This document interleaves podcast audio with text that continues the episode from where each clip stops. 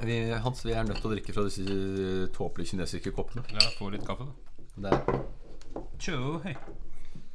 det heter chi. ja, det er det kaffe heter på Ja, kinesisk. det heter chi. Ja, det er veldig forvirrende. for Begynner vi å bli klare, eller? Nei. høres ut som vi er klare, Henning. Syns jeg var koselig. Det er sånn, sånn stemningen her nå er fin. Er det Jeg Det er egentlig at de, du er kjempeklar, og Hans og jeg føler oss litt på tynn is.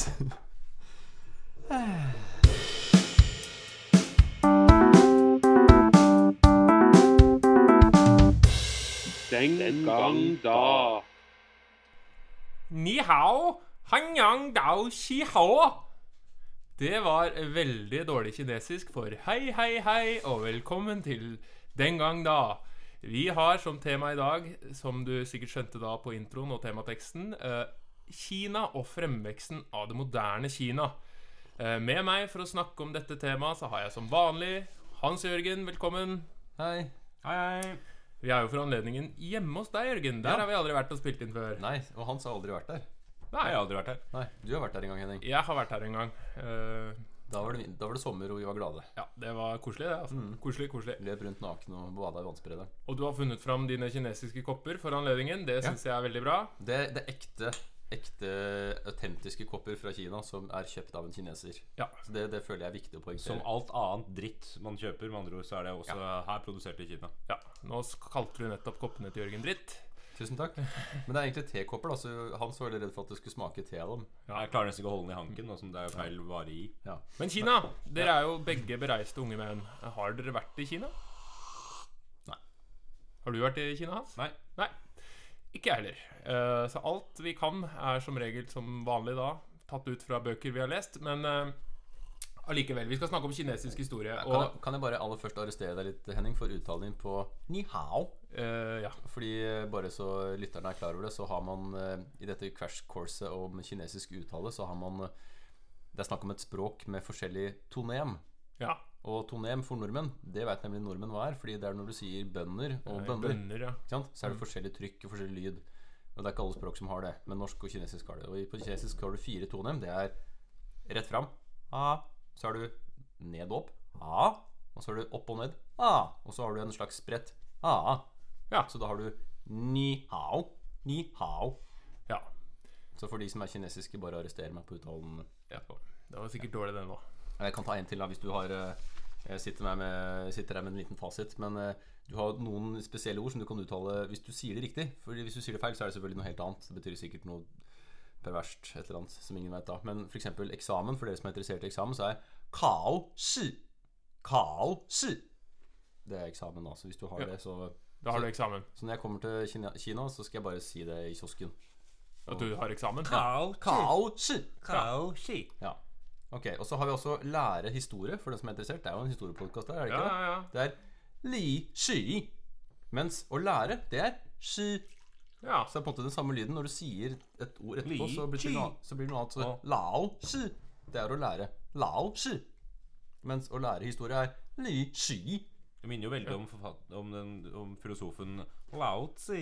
Ja, nettopp. Lao, lao tzu. Lao tzu. Lao Tzu. Men eh, nå må jeg bruke programlederrollen. Dette sklir ut. For vi skal jo snakke om eh, fremveksten av det moderne Kina. Og vi har Det moderne Kina. Ja, for vi har begrenset det oss litt. Fordi kinesisk historie er jo enormt og ekstremt veldokumentert. Kanskje den mest veldokumenterte la jeg, jeg trodde Kina var snakk om gamle ting. Nå har vi eh, Ja, for det er jo De har jo vært skrevet med historien sin uh, i tusenvis av år. Og når vi drev og bare gravde jorda, så hadde jo de en sivilisasjon med en utbredt historiedokumentasjon. Og de Jeg vet ikke med deg. har en lang, rik har- historie.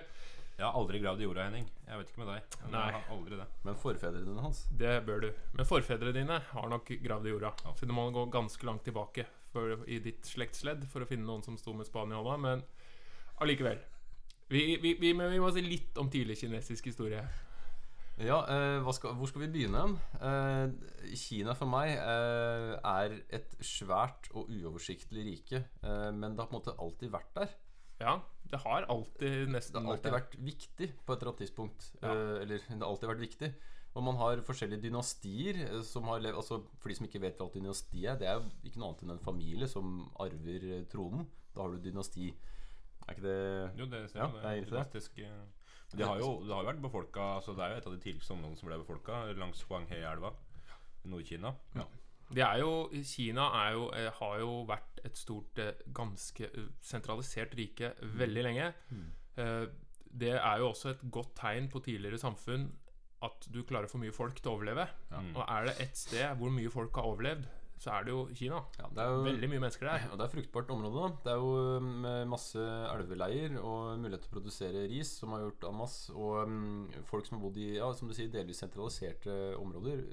Det store, første store dynastiet er vel det som man kaller for Han-dynastiet, fra rundt sånn 400 før til 400 etter. Um, 100 ja, er det 100 etter? Ja. 100. Bare, bare arrester meg. Men, og det er jo her man har den første spede begynnelsen av den kinesiske mur, blant annet. Mm. Uh, som jo er profesjonalisert seinere, da. Men man har hele tiden et problem, og det er uh, nomadefolket i nord. Uh, senere mongolske stammene, eller ja, og huner osv. Og det har jo også gjort til at eh, Kina har blitt konsolidert, eller at det har blitt samlet som rike. At man har fått Man har hatt en felles fiende som man kjemper mot. um, og beskyttet, forsøkt å beskytte seg mot eh, med mer eller mindre hell. Da. Ja, og det er jo den muren som du snakker om. Ja. Som man ikke kan se fra verdensrommet. Og Kina har jo også vært lenge et mye mer meritokratisk samfunn enn her i Europa, hvor titler og sånn ikke i arv. Altså det var jo Det må du forklare. Ja, altså det at de var de flinkeste som skulle være med å styre og få embeter og løse administrative oppgaver, da. Eh, Du måtte ta en eksamen, en veldig omfattende eksamen. Måtte pugge masse greier, og det var mange som prøvde, og mange få som eh, lykkes. Ja. For å styre landet. Det høres jo kjempelurt ut. Det er jo, Det det er jo lurt. Det er jo litt sånn vi har det nå, da. Ja, det Håper er det. vi. Nesten. Vi håper jo det. I. USA, tenker du på? Bortsett fra demokrati, da. Men man har jo eh, Ja, det er jo et, sånt eh, type system at statsideologien, f.eks. som konfutsianismen, vokser fram. ikke sant? Det er under Han-dynastiet. Ja, hva er det for noe? 100-tallet. Nei, det er en eh, Noen kaller det en religion, men det er i hvert fall en filosofi da knytta opp mot stats, statsstruktur. Så det er ikke en sånn Det er ikke en sånn folkeideologi nødvendigvis, men den er veldig knytta til nettopp det der at du har et ledersjikt som, som er skikka til å gjøre den jobben du gjør. Ja. Strenge, Ja, ganske det, streng. ja, det handler om at du skal, øh, hvis jeg ikke husker feil, at du skal respektere din leder. Er det Ja, ikke det? At det er mye av respektere autoriteter Ja. uten å nødvendigvis stille spørsmål. Og det er jo Det er jo hva skal jeg si, et grunnlag som fungerer godt i mange sammenhenger. da Ja, Hvis er man skal det, ha et stabilt rike. Og den har jo, altså Konfutsianismen har jo levd ganske godt, tror jeg, i, i eh, kinesisk mentalitet eh, de siste 2000 åra. Og, og kan nok også forklare delvis hvorfor det vi skal snakke om i dag, da fikk såpass greit gjennomslag i Kina. Altså autoritære ledere. Men vi skal jo inn på dette med moderne fremveksten av moderne Kina. Og Kina er jo et, eh, et rike som har vært langt foran oss i Europa lenge, som vi akkurat har vært dryppet innom her. Og det opplevde de jo selv også, når de kom i kontakt med europeerne. Eh, De opplevde jo at dere har ikke noe å tilby oss, vi er eh, klarer oss fint. Det blir jo ofte et sånn, ofte sånn som historisk spørsmål hvorfor skjedde den industrielle revolusjonen i Storbritannia, ikke Kina, når Kina hadde veldig mange av de samme forutsetningene. Litt- Men det er jo nettopp behovet for forandring var ikke så stort. Og de hadde, ikke sånn hadde ingen konkurrenter i området som var i nærheten av å klare å uh, matche dem på noe som helst måte. Så de var liksom Ja, vi Hvorfor forandre? Ja, ikke sant? Kan man sammenligne med at øh, altså, Spørsmålet hvorfor øh, slutta man Altså man kjente til øh, dampkraften det gamle Romerriket, det har vi sikkert snakka om før. Men øh, hvorfor utnytta man ikke den og fortsatte med slaver? Fordi man hadde ikke behov for å slutte med slaver, fordi slavetilgangen var kjempegod. Så det er ikke noe vits å på en måte utvikle et system som, som eliten fortsatt tjener på, da som de som har makt, tjener på. Ja. Men for å gjøre en lang historie kort På 1800-tallet Britene industrialiserer seg jo og får alt industriens uh, goder. Får alle godene industrien har å by på. Og i med, er jo i kontakt med Kina gjennom handel. Men problemet er Kine, Kina og kineserne ikke har så stort behov for alt det som britene byr. Nei. Mens kineserne har mye som britene har lyst på. Sant? Porselen, de har te. Masse flott. Men så finner jo britene ut en fantastisk eh, vare som de kan selge til Ja. eh, mange kinesere. Du Nemlig opium. opium. Opium, ja. og hvis du ikke trodde du hadde behov for det, så må du prøve det først. Ja. Opiater er Opiater. veien til mye godt, altså. Så de, de begynner jo å selge opium, og begynner å betale med opium. Eh, og den, ki- de kinesiske myndighetene gjør jo selvfølgelig opprør. Dette har vi nevnt så vidt før, men de går imot da britene og sier at hei, slutt å selge opium til oss, fordi det går utover alt og alle. Og britene sier nei, og du får disse opiumskrigene som slutter da i, i 1858, og britene vinner. Ja. Og fra da de tvinger rett og slett gjennom øh, skal si, lovnaden om å selge opium. Ja. Fortsette å selge opium. Ja. Og det, det, er jo, det er jo helt fantastisk i er- ettertid øh, å bare høre på noe sånt. Altså, vi skal, vi skal tvinge dere til å handle med dette livsfarlige og vanedannende og ødeleggende stoffet. Ja. Det skal dere kjøpe av oss, og så skal dere ligge der på opiumsbulene deres med sånne røykepiper, og så skal dere ikke gjøre så mye annet. Ja, Det er jo litt dårlig gjort. Som så mye annet i historien, så er det litt dårlig gjort. Men sett fra et forretningsmessig konsept så er det jo helt genialt, selvfølgelig. Altså Du skaper et umettelig eller urøykelig behov, hva skal man kalle det, uh, som bare er helt uh, umulig å slutte med. da Ja. Det, ja. Så eh, i 1858 så får du eh, slutten på det, og da blir Kina Det blir sånne interessesfærer hvor, hvor de eh, europeiske landene har stor innflytelse. Men Konsesjonsområder, fordi de områdene er jo også underlagt av loven til, til britene, og ikke til eh, for, for eksempel, da, og ikke til Kina. Og så videre, da. Hvordan opplever de disse, denne britiske innflytelsen? Det går det, det, er, det er en del tumulter her og der, men det skal sies at Kina er et veldig svært land. Så det er ikke sånn at hele Kina nødvendigvis på noe tidspunkt reiser seg opp mot britene.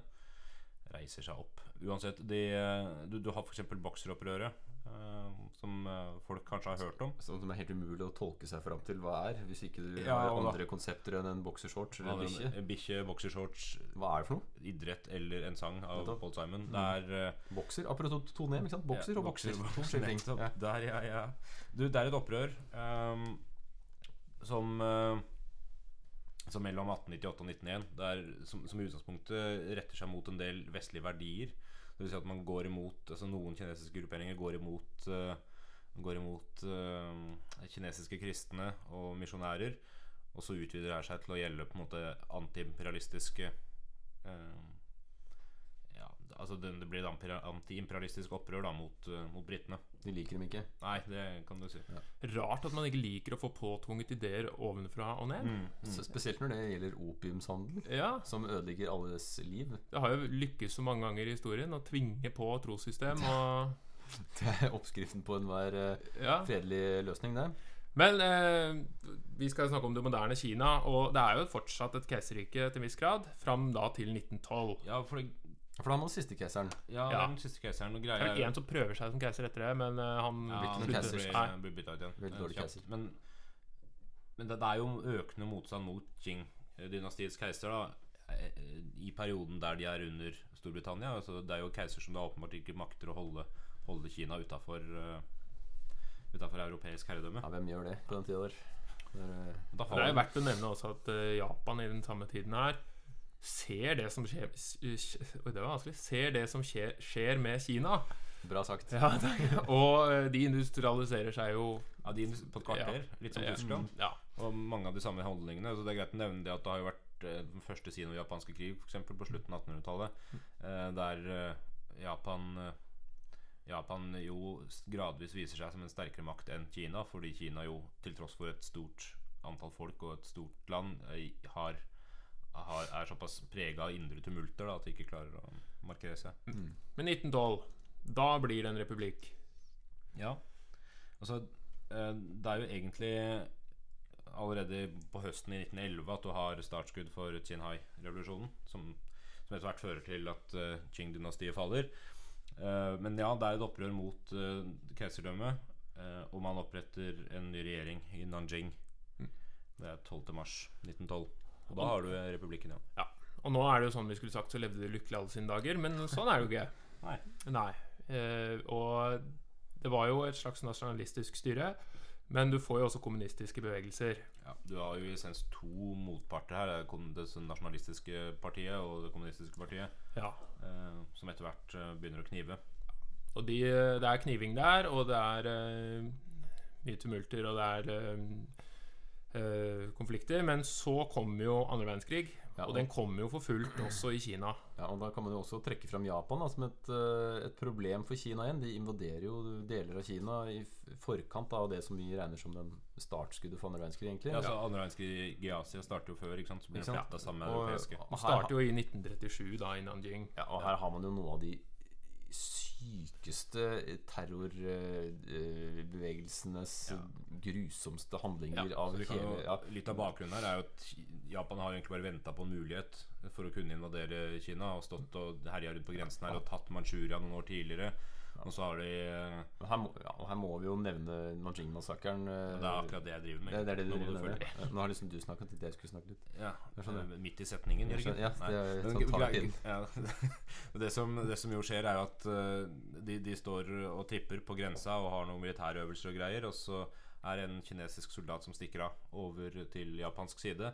Og da tenker eh, Kina at dette her er en god mulighet for å invadere Japan. For da kan vi gå inn og hente han og så si at det er det vi gjør. Og så tar vi, tar vi Japan. Det minner nesten litt om uh, startskuddet i Polen nå. At det er på en måte en Ja. sånn påskudd eh, her. Ja. Altså Å nei, jeg mista Ah, klokka mi på andre sida av grensen. Jeg må bare en tur over. Men eh, skal vi bare ta liksom ferdig Vi må nevne Nanjing-massakren. for det er det som skjer da. Nå kan jeg snakke. Kjempetusen takk. Eh, Det er eh, en, en, på en, en, en, en hendelse som ikke Vesten kanskje husker. eh, også fordi den er blitt fortiet i senere år. Og Det er jo en av, altså en av de svarte flekkene på menneskehetens sjel. ja, Kort fortalt at det er 300 000 mennesker som i løpet av en eh, Eller som blir massakrert i løpet av en uke. Det er massevoldtekter av barn og kvinner, og det er for åpent kamera. Det er masse Ja. bilder som tas. Noen eh, estimater sier at det er 80 000 eh, kvinner og barn som blir voldtatt. Ja, det er helt sjuke greier. Og det, og det er på en måte og, det er den der bestialiteten da som er så urovekkende. For japanere, japanere bare marsjerer inn og dreper og lemlester for fote, mens øh, Vestens representanter er der.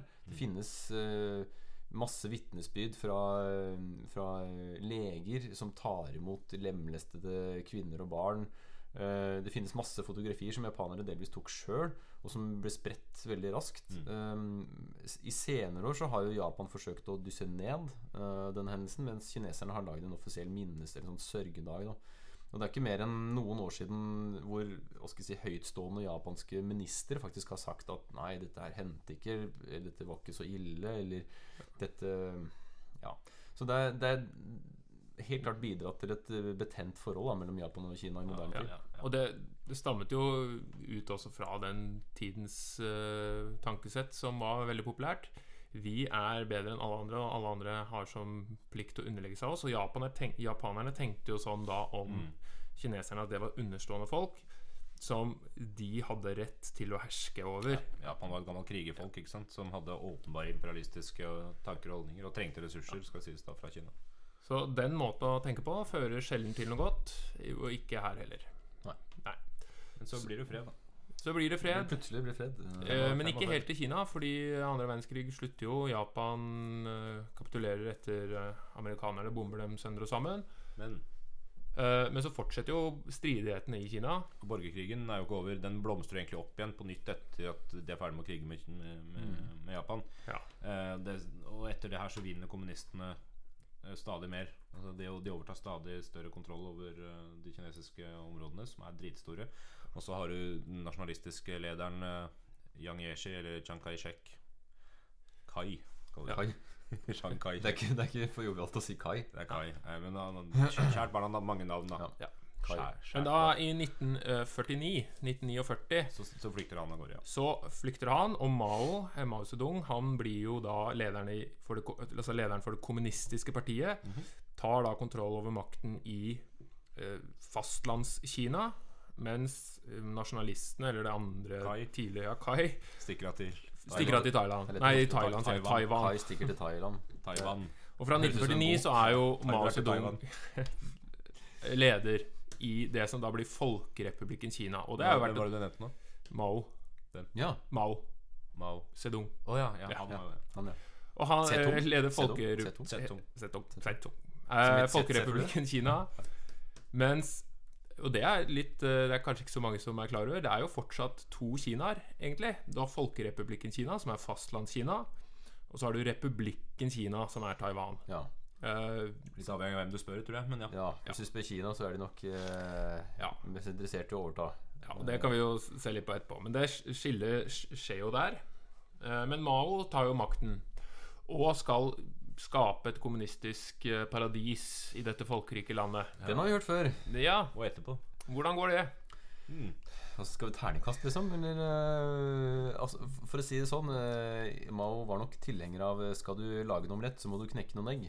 Eller knuse som heter. Som det Eh, heter, ja. som heter. Vi skal ikke drive og ødelegge ordtaket. Um, eh, for å ta det positive først, da.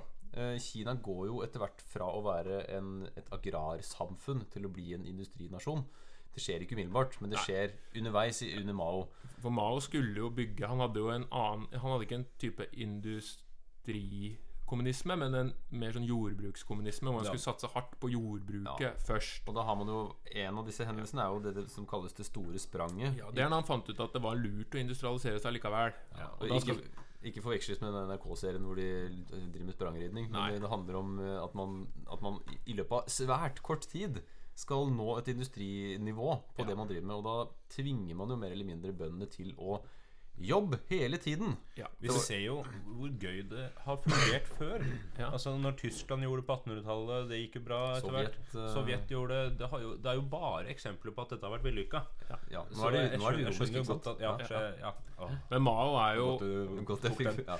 et, altså, Dette er jo kroneksempler på hvordan bare idiotiske Altså Det store spranget som du nevner, er jo da når Mao finner ut at Eller kommunistene finner ut vi må industrialisere oss. Vi gjør det kjempefort.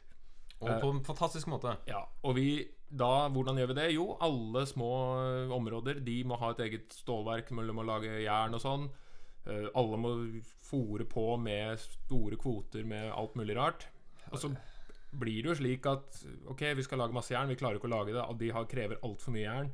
Hva gjør vi? Jo, vi slenger potter og kar og ploger og alt vi har av jern opp i smeltegryta for å møte disse kravene. Og så lager vi dårlig jern. Så lager vi dårlig jern, Ja. og så plutselig har vi ikke plog og spade lenger. Og da må vi ikke spise fordi vi har ikke mat. Ja, så- Også, og det er også flere eksempler på bønder som måte, fikk beskjed om å så uh, tettere. Fordi hvis man sår tettere, så får man mer korn. Var liksom mantraet da Så man Ja. sådde kjempetett. Man gravde liksom sånne små bassenger, og så slang man alle såkorna oppi.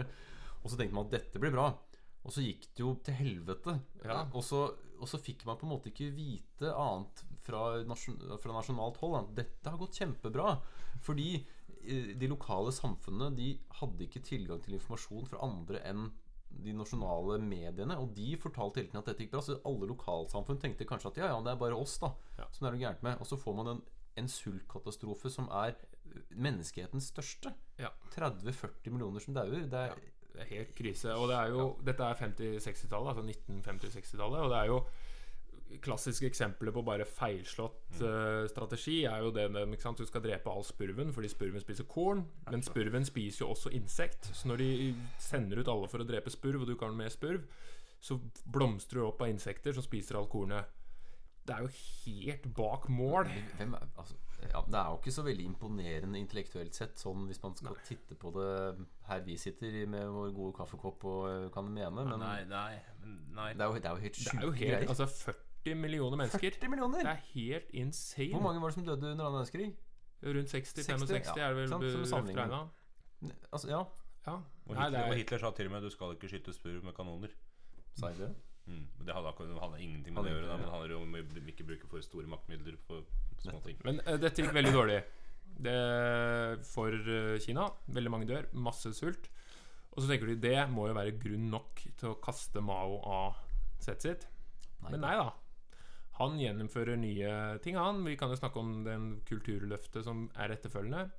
For Mao, nå skal vi ha snakka om Trump i serien her, har litt samme retorikk kanskje som Trump.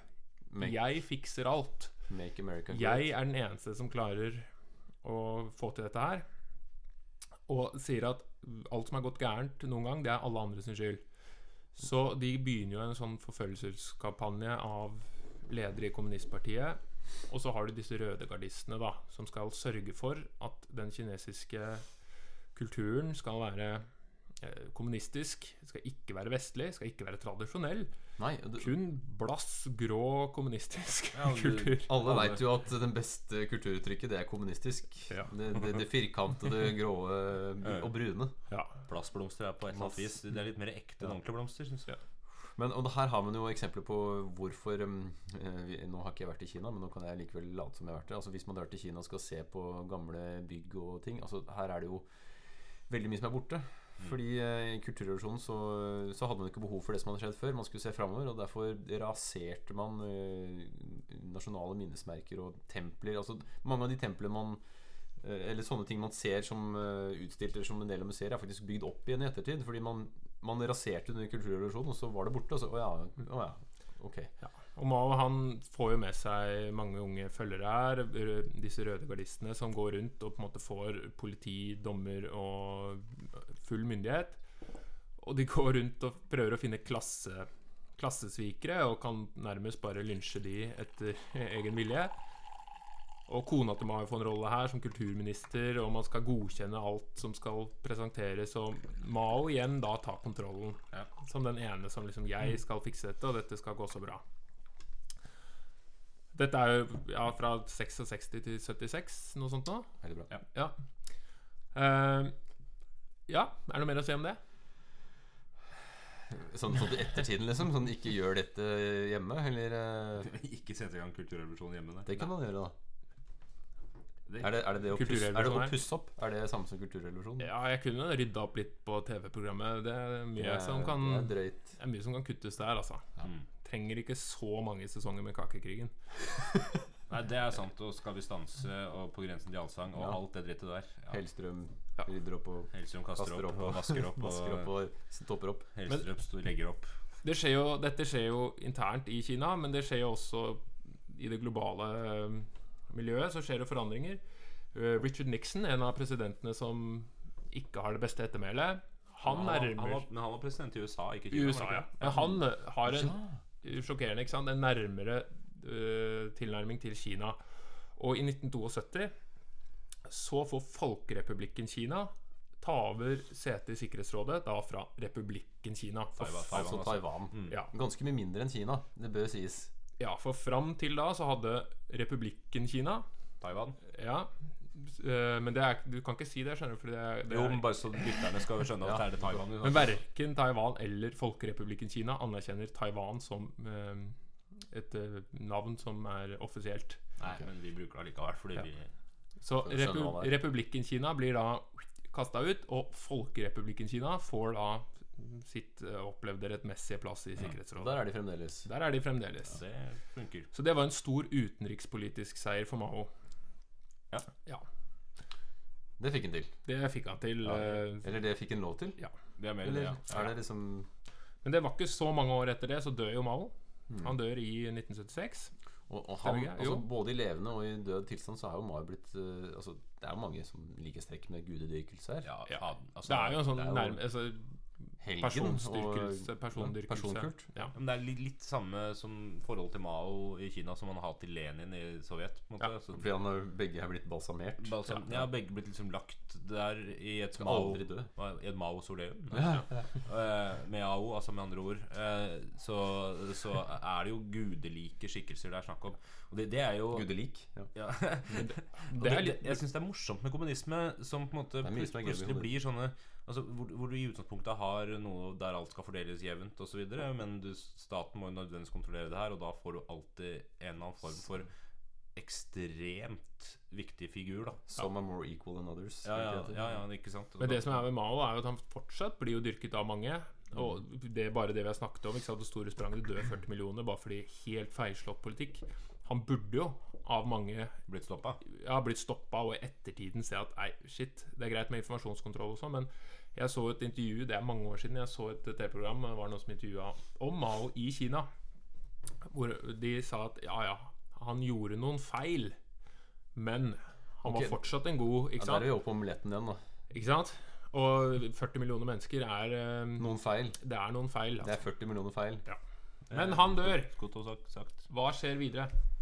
Ja, Hva vi liksom, skjer nå, i Kina etter nå har vi jo rast fram til moderne tid. Det er veldig bra, Henning. Nå, nå nærmer vi oss på en måte Kinas inntog i vestlig økonomi, gjør vi ikke det? Er det dit du vil? Jo, Fordi Kina i dag er jo verdens største økonomi, er det det? Eller har det gått forbi USA?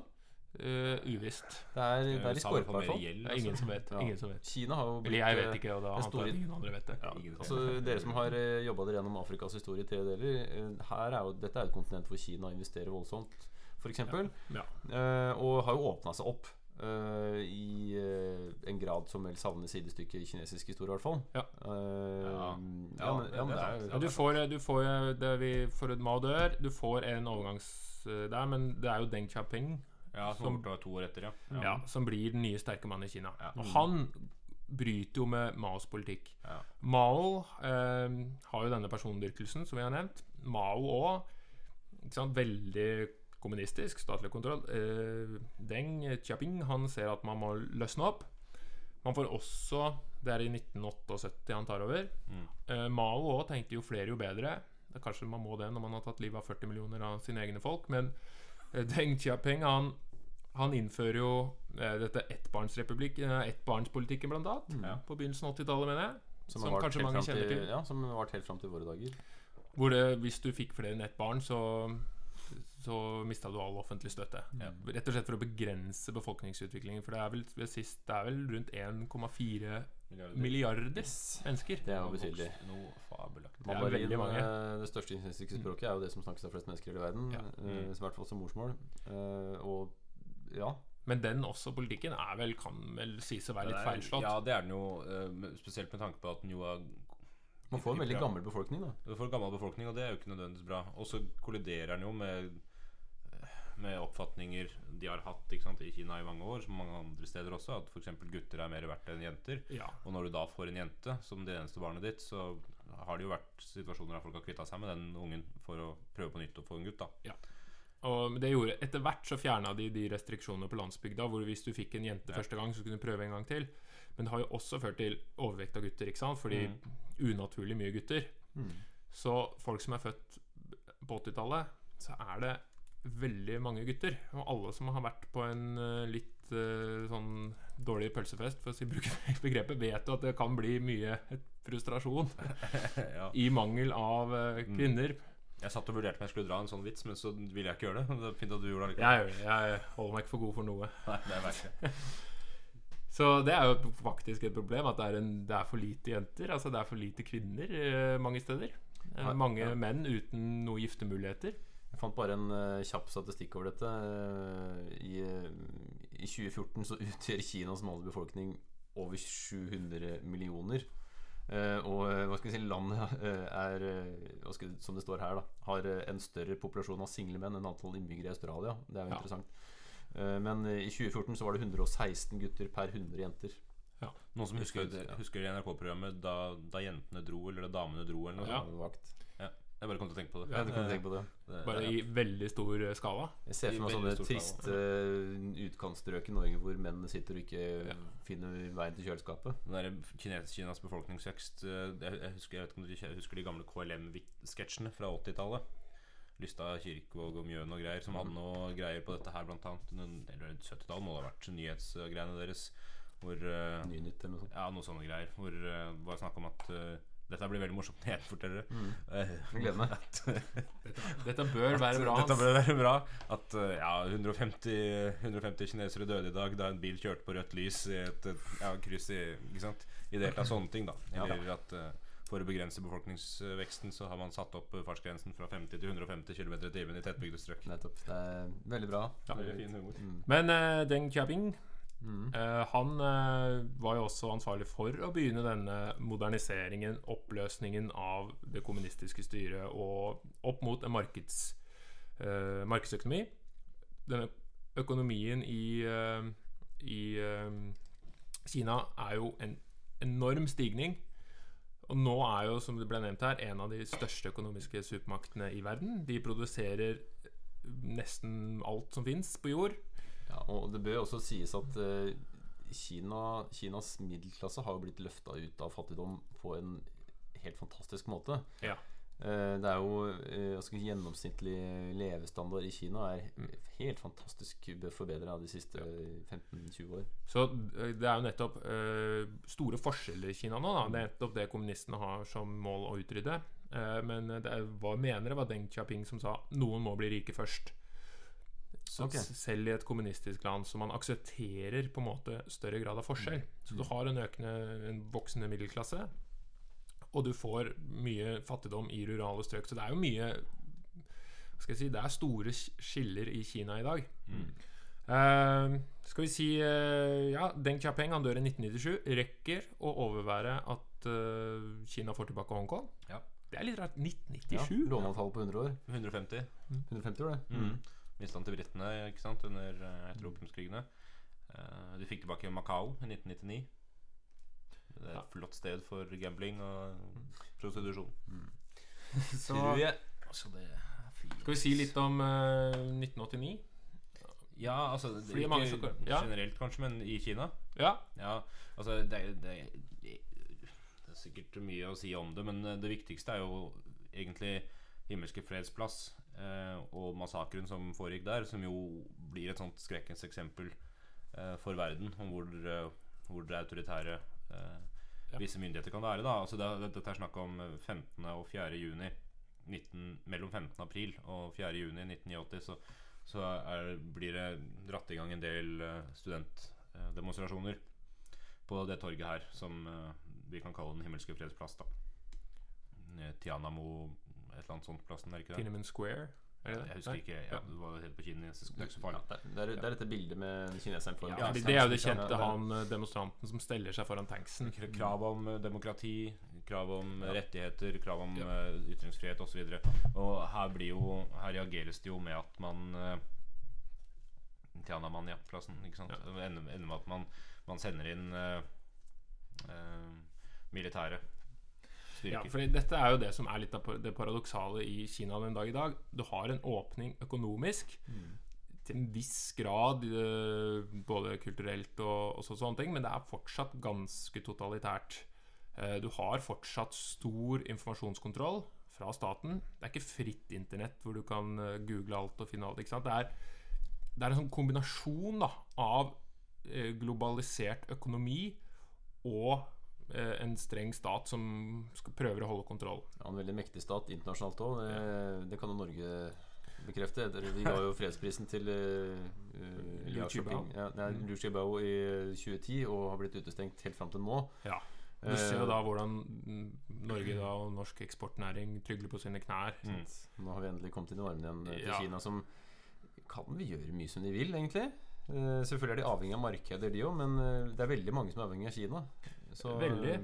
Ja. Og så er det jo store spørsmål nå da, med Trump og Kina og hvordan verden skal se ut videre. For det er jo Kina er på vei til å bli den store makten. er den store makten, kan man si. Ja, fordi USA har jo etter andre verdenskrig vært verdens eh, største, desidert mest innflytelsesrike supermakt. Mm. Eh, militært selvfølgelig ennå, men nå også Kina da er jo spørsmålet Skal de tippe lasset, slik at vi snakker uh, kinesisk på skolen? At det er mer fornuftig å lære det enn å lære engelsk? Det som er interessant da, for å se, det er jo at eh, i motsetning til en del andre områder i verden, så har ikke, så har ikke Kina fremvist så veldig mange skrupler hva gjelder å, å gjøre det som trengs for å klare seg. Altså de, de, de kan gjerne endre sin egen tradisjon, sin egen kultur, sitt eget språk for å måtte hevde seg i verdensmarkedet. Så når det gjelder det å f.eks. lære seg kinesisk, så er det større sannsynlighet at kineseren lærer seg engelsk for å, for å kunne være en aktør. Mm. Som De er jo medlem i Verdens handelsorganisasjon også fra 2001, sånn at de, de, de er jo seriøst inne på alle de områdene. Ja. Så skal vi konkludere på et eller annet, eller? Kina kommet for å bli. Det vil jeg påstå. Det er eh, komplekst og svært. Ja. Nå mye imperialisme i havområdene rundt seg. Mm. Og Tine vil vise det, Kina er eh, Det er veldig feil å si at de er up and coming, fordi de har jo har vært, vært alltid vært ja, De har jo hatt en dominerende rolle Ja. i verden, og i hvert fall i sin region. Og det er litt som å si at, eh, at Europa oppdaga Kina på en måte med Ja. ja. for noen år siden. Der, eh, det kan like godt si at det var kineserne som oppdaga resten av verden. Når, når, de, når de gadd. Når de gadd å begynne å involvere seg. Så vi får eh, Kanskje vi skal ta en på tidligere kinesisk historie, men da det, Dessverre kan jeg ikke så mye om. Jeg har lyst til å lære litt mer om det. Det er mye der. Det er veldig mye. En rik, rik historie. Mm. Ling og greier. Flotte vaser. Masse vaser. Ja. Og så er det jo da verdt å nevne at det er fortsatt vi sa så vidt i sted, det er to Kinaer. Og øh, om de kommer til å slå seg sammen, altså Folkerepublikken Kina og Republikken Kina det Taiwan, tenker du på? Ja, det får vi se. Så det er noen visstnok på Taiwan som jobber for selvstendighet, men øh, de vil ikke fordi de alle mener at vi en gang så skal vi Mm. bli et land. Sånn som Norge og Sverige. Hvitt håp for Norge og Sverige. Vakkert sagt. Ja. Eh, da avslutter vi med Kina. Det. Så A, hører vi om vi har et dagens ord. Det har vi, vet du. Ja. Jeg har, vet du hva, jeg har jammen meg dagens ord. Um, skal vi se Hvilken var det det var den, ja?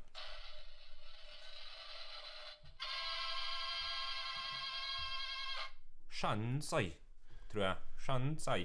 Litt usikker på Shansai. Jeg er sikker på at det ikke er. Nei, det er, det, Nei, nei. det er rett, og så er det Ja. nedover.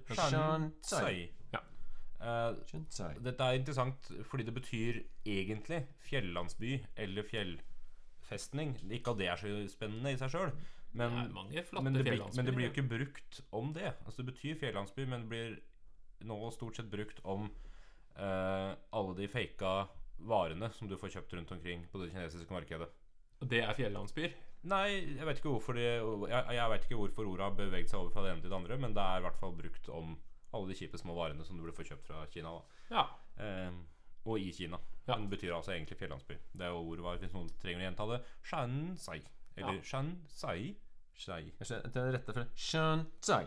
Shansai. Nå kan de, alle kinesiske lyttere bare arrestere oss, selvfølgelig. Ja. Jeg, Jeg syns du skal slutte å oppfordre kineserne til å arrestere oss. Eh, for historisk sett. Så ja. Nei, vi skal ikke gå inn på det. Nei. Greit.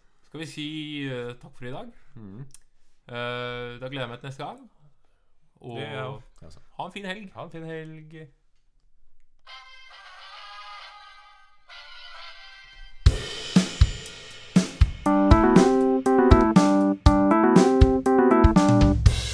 Den gang da.